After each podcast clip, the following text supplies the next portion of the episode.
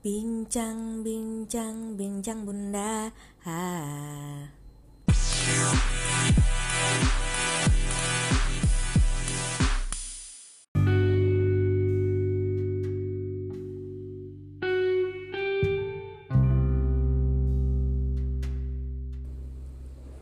Jatuh cinta itu kadang memang gak pakai logika Mau orangnya nyebelin Bikin salah ke kita Yang diingat tetap hal-hal baik darinya Hmm, apakah itu tandanya kita sedang jadi bucin alias budak cinta?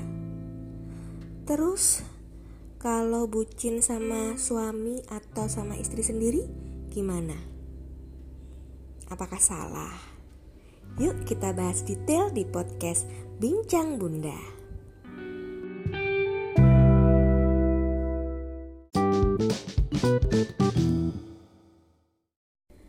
Assalamualaikum warahmatullahi wabarakatuh. Ketemu lagi bareng aku Dian Di podcast Bincang Bunda dalam hashtag 30 hari bersuara.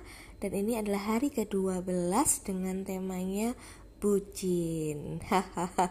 Jadi waktu pertama kali baca tema ini ya, kalau kalian denger di episode 0, episode pilot, aku tuh deg-degan. Maksudnya ya ampun kenapa harus ada tema kayak gini? Aku bakal ngomong apa? Nanti kalau keceplosan kisah-kisahku gimana? Tapi ya udahlah bodo amat lah biarin yang mendengar ya udah biarin denger gitu kan.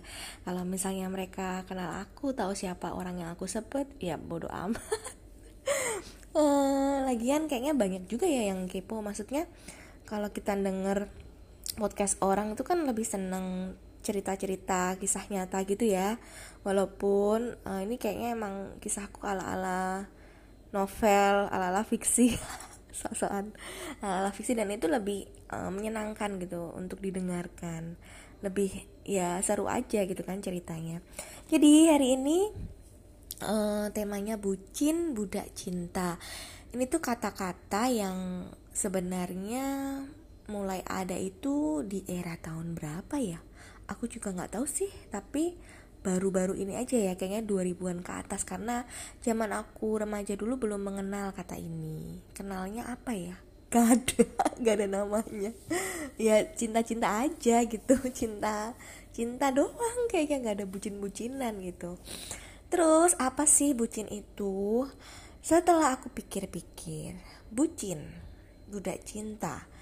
Salah satu cirinya adalah ketika kita suka atau jatuh cinta sama orang yang walaupun orang itu tuh pada akhirnya menjadi menyebalkan, mengesalkan, uh, mungkin bikin kita sedih, bikin kita nangis, bahkan bikin kita sakit hati, patah hati, tapi kita tetap cinta sama orang itu. kita tetap cinta. Hmm, yang terkenang, yang teringat itu tetap hal-hal indah dan hal, hal baik dari dirinya. Dan itu nggak enak sih ya sebenarnya. Jadi aku pernah ngalamin juga orang ini tuh sampai bikin aku nangis gitu kan. Nangis yang terseduh-seduh sesenggukan sampai nggak ada suaranya saking keringnya air mataku gitu ya buat nangisin dia di zaman itu gitu kan. Dan akhirnya juga uh, udah nggak komunikasi lagi sama orang itu karena aku begitu kesalnya begitu sebelnya gitu ya. Tapi ketika dia muncul lagi ketika dia balik lagi dalam kehidupanku kok aku bucin ya? Kok aku kayak dia belum minta maaf aja aku udah memaafkan gitu jauh-jauh hari. Sebelum dia muncul pun aku sudah memaafkan. Dan ketika dia muncul lagi tuh yang teringat hanyalah masa-masa indah yang pernah uh, ada gitu ya hanyalah kenangan-kenangan yang baik dan segala macam kelebihannya doang yang ada di depan mataku gitu. Yang bikin aku sedih yang bikin aku kesal tuh hilang tak berbekas. Aneh kan? Makanya aku juga bingung kenapa bisa aneh ya. Padahal orang ini tuh uh, ngeselinnya tuh makin-makin gitu loh. Dan semakin aku kenal semakin ke sini tuh dia bahkan mengucapkan kata-kata yang nggak pantas menurutku ya nggak pantas nggak etis nggak ada mannernya nggak beretitude nggak enak didengar gitu. Dan aku sangat marah aku pernah sangat marah karena kejadian itu. Sampai kita saling sampai bukan kita sampai aku aku delete kontaknya. Walaupun pada akhirnya aku ini lagi aku add lagi tuh kontaknya ya. Aku add lagi gitu kan. Dia benar-benar bikin aku marah dan mungkin saat itu aku bikin dia marah makanya dia sampai keluar kata itu gitu. Tapi ya udah di hari itu doang di di momen itu doang marahnya. Setelah itu tuh kayak cuman jadi cerita seru yang bikin aku geleng-geleng kepala gitu ya bikin aku ketawa kok bisa sih dulu kayak gini? Gitu doang. Ya tetap bucin tadi aku bilang kan. Hmm um, bahkan sampai hari ini pun dia ngeblok WhatsAppku nih ya. Ini aku kasih tahu ya orang itu tuh ngeblok WhatsAppku. Tapi aku tetap nggak apa ya nggak benci dia gitu kan. Bodoh amat lah dia mau ngeblok WhatsAppku dia mau mikir apa tentang aku dia mau berpikiran nggak bagus gitu kan atau nggak pantas tentang aku. Dia mau benci aku sekalipun terserah itu urusan dia. Tapi urusan perasaanku ya aku sendiri yang ngatur gitu kan dan itu nggak bisa diatur orang lain nggak bisa diatur oleh sikapnya ke aku gitu. Sounds familiar nggak? Ada kan yang kayak gitu? Ada nggak? Aku doang jangan-jangan. Ah ya aku nggak benci dia walaupun apa pun yang sudah pernah yang pernah sudah dia lakukan padaku. Itulah bucin. Nah terus pertanyaannya adalah pernah nggak bucin sama suami atau istri gitu ya buat yang laki-laki? Ternyata aku juga bucin jadi waktu itu ada masa di mana aku tuh bertengkar hebat gitu ya sama suamiku. Sampai aku tuh udah pingin pisah rasanya ingin menyerah gitu kan. Dan hmm, saat itu di pikiranku adalah aku udah nggak cinta sama dia lagi gitu. Tapi ketika dia nyakitin hatiku dia bikin kata-kata atau ada perbuatannya yang membuatku sakit hati kok ya aku tuh nangis sampai dadaku tuh terasa sesak. Wah, sampai nggak bisa nafas gitu sampai waktu itu aku uh, lari gitu ya melarikan diri motoran ke rumah sahabatku. Ini kalau ada kalau Mbak Aya dengar sampai ke rumah Mbak Aya di Gunung Sempu sana di Bantul yang nun jauh di sana. Aku bela-belain tuh ke sana demi menenangkan diri dan di sepanjang jalan tuh aku nangis. Begitu juga waktu aku ketemu Mbak Novi salah satu temanku juga dia seorang konsultan psikologi. Aku juga sepanjang perjalanan bawa motor tuh sambil nangis dengan derai-derai air mata ditemani rintik hujan pula. Wah kayak novel ya. Kayak film. Rasanya tuh menyesakkan sakit gitu kan. Dan di detik itu aku sadar ya Allah ini artinya aku masih cinta dong sama suamiku. Kalau aku nggak cinta nggak mungkin aku sampai nangis kayak gini. Harusnya perasaanku ya biasa aja. Harusnya aku mati rasa gitu kan. Harusnya aku cuek dengan kejadian ini. Tapi kenyataannya berbeda 180 derajat. Kenyataannya aku masih cinta dan ya itu bucin tadi kali ya. Uh, apa pun kesalahannya saat itu apa pun yang terjadi kejadian saat itu pada akhirnya tetap memaafkannya dan emang kalau statusnya suami istri gitu menurutku ya itu sih ya harus bucin sih. Karena kalau nggak dimaafin aduh perjalanan pernikahan tuh kan panjang banget ya. 15 tahun 30 tahun bahkan mungkin 50 tahun dan selama 50 tahun itu nggak ada manusia yang nggak pernah bikin kesalahan kan? Kalau nggak dimaafkan bayangin ya kamu bikin salah dan pasanganmu nggak memaafkanmu. Udah dari dulu pasti langsung bubar gitu kan. Putus ibaratnya.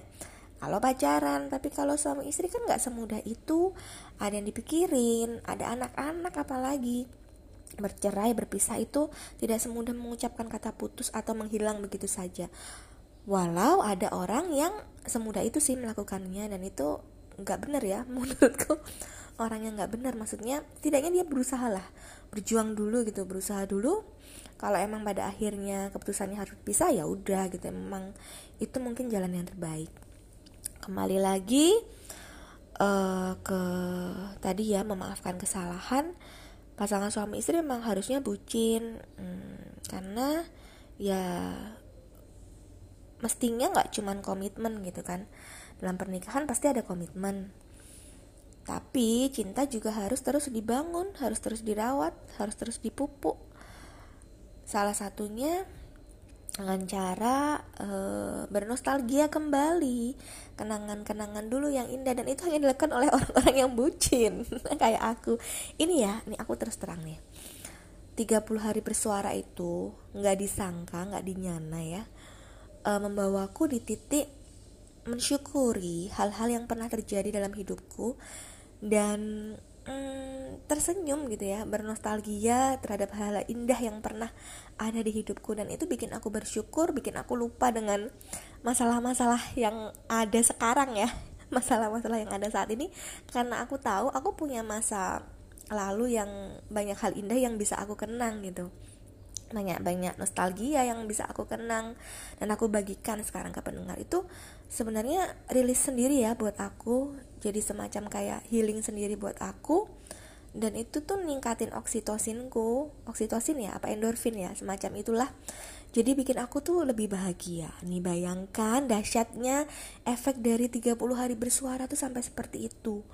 Yang tadinya aku kira cuman ah ya udahlah buat ngisi-ngisi podcast gitu kan biar update ternyata ini aku dapetin loh ya mungkin aku juga bucin terhadap 30 hari bersuara padahal ada masa-masa sulitnya juga sih um, sebentar kita jeda dulu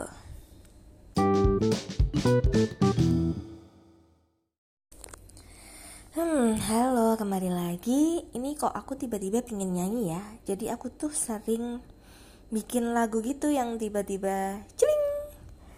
Tapi sayangnya karena aku nggak bisa hmm, nyatetin gitu, ya, aku nggak ngerti notasi atau apa namanya kunci gitu ya dari yang lagu yang aku bikin jadi aku nggak bisa nyatet sehingga akhirnya nggak bisa aku mainin gitu ya di alat musik.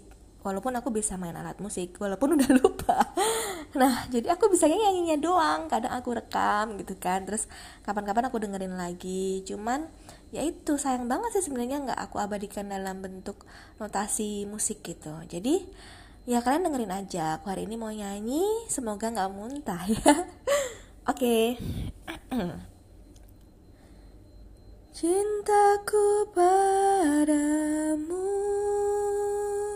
takkan lekang oleh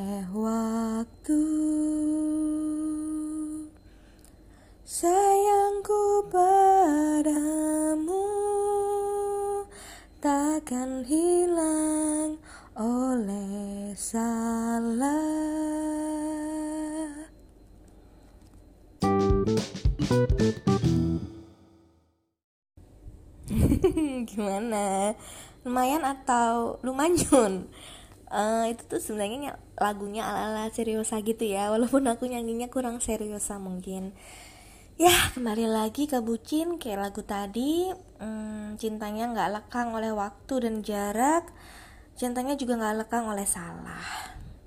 Dan menurutku sih bucin tuh nggak apa-apa banget kalau di dalam hubungan suami istri. Asal nggak level bucinnya nggak yang berlebihan gitu ya. Maksudnya uh, kan ada orang yang saking berlebihan level bucinnya dia sampai cemburuan banget atau posesif banget. Nah itu aku nggak terlalu suka sih orang yang kayak gitu. Hmm, soalnya aku juga pernah punya pengalaman buruk terkait posesif. Mantanku dulu mantanku dulu mantanku dulu itu posesif banget. Sampai yang aku ke mana-mana tuh dia uh, kepo ngapain gitu kepo. Padahal aku udah bilang nih misalnya aku mau acara ini aku mau ke sini sama temanku. Aku bilang tapi dia masih yang sampai datengin lokasinya gitu karena nggak percaya. Terus dia pernah juga nggak ngizinin aku pergi sama teman-temanku yang cewek padahal. Dan mereka tuh teman-temanku yang udah aku kenal sebelum aku kenal dia kan. Dan itu nggak ngenakin banget rasanya di posesifin itu seolah-olah bahwa yang kita lakuin itu uh, salah atau nggak dipercaya. Ya padahal kepercayaan kan penting ya dalam sebuah hubungan apalagi hubungan suami istri. Jadi aku lebih tipe yang ya udah percaya gitu kalau dia ngelakuin sesuatu yang salah atau ternyata ternyata menghancurkan kepercayaanku yaitu adalah masalahnya dia. Maksudnya yang dosa dia kan. Yang dosa dia yang bikin salah dia kenapa kita yang ribet? Hmm, ya mungkin kita ribet sih karena kita pasangannya dia. Harus ribet juga ya. Tinggal pilih kan kita mau memaafkan atau enggak. Terus dia mau beri, mau minta maaf atau enggak. Dia mau berjanji nggak mengulangi atau enggak. Ya udah semudah itu kita juga nggak mungkin jagain pasangan kita 24 jam. Hanya Allah kan yang menjaganya. Yang bisa kita lakukan hanyalah berdoa menyerahkan ke Allah menjaga supaya menjaga dia menjaga hatinya menjaga pandangannya wah aku kayak ini kultum. Menjaga pandangannya karena kita nggak bisa jagain dia dalam seharian penuh. Kita nggak bisa jagain interaksinya di dunia maya sama orang-orang sama cewek-cewek lain gitu yang kita kenal atau kita nggak kenal. Nggak bisa kita jagain kan hmm, begitulah jadi level bucin harus ada ini harus ada batasnya harus ada levelnya ah aku jadi ingat jadi ibuku tuh pernah bilang aku lupa ya ini pas aku mau punya cowok atau pas aku mau nikah antara dua itu ibuku pernah bilang bahwa jangan berikan kepercayaanmu 100% ke pasanganmu atau ke orang lain. Kenapa? Karena pasti bakal kecewa. Yang namanya manusia itu tempatnya salah, tempatnya dosa, tempatnya punya hawa nafsu. Jadi itu dijamin kecewa. Bukan cuman kemungkinan kecewa ya, tapi pasti bakal kecewa. Jadi, letakkanlah cintamu ke orang lain berapa persen dong? 70 persen atau mungkin 60 persen saja. Sisanya ya untuk dirimu sendiri atau 50-50 mungkin. 50 50 persen untuk dirimu, 50 persen untuk pasanganmu. Dan yang 100% hanya untuk sang pencipta saja karena dijamin gak akan kecewa. Gitu petuahku hari ini. Hah, sepertinya sudah panjang. Terima kasih sudah mendengarkan sampai sini. Semoga ada hal-hal baik yang bisa diambil ya terutama buat para jombloan dan jomblowati atau teman-teman pendengar podcast Bincang Bunda yang belum menikah. Jadi nah, kalian latihan bucin dari sekarang nggak apa-apa. Karena nanti kalau nikah itu diperlukan ya bucin. Menurutku sih. Menurutku diperlukan dalam level yang wajar. Jadi di batas tertentu dan ingat jangan memberikan kepercayaan 100% kepada pasanganmu. Terima kasih. Wassalamualaikum warahmatullahi wabarakatuh.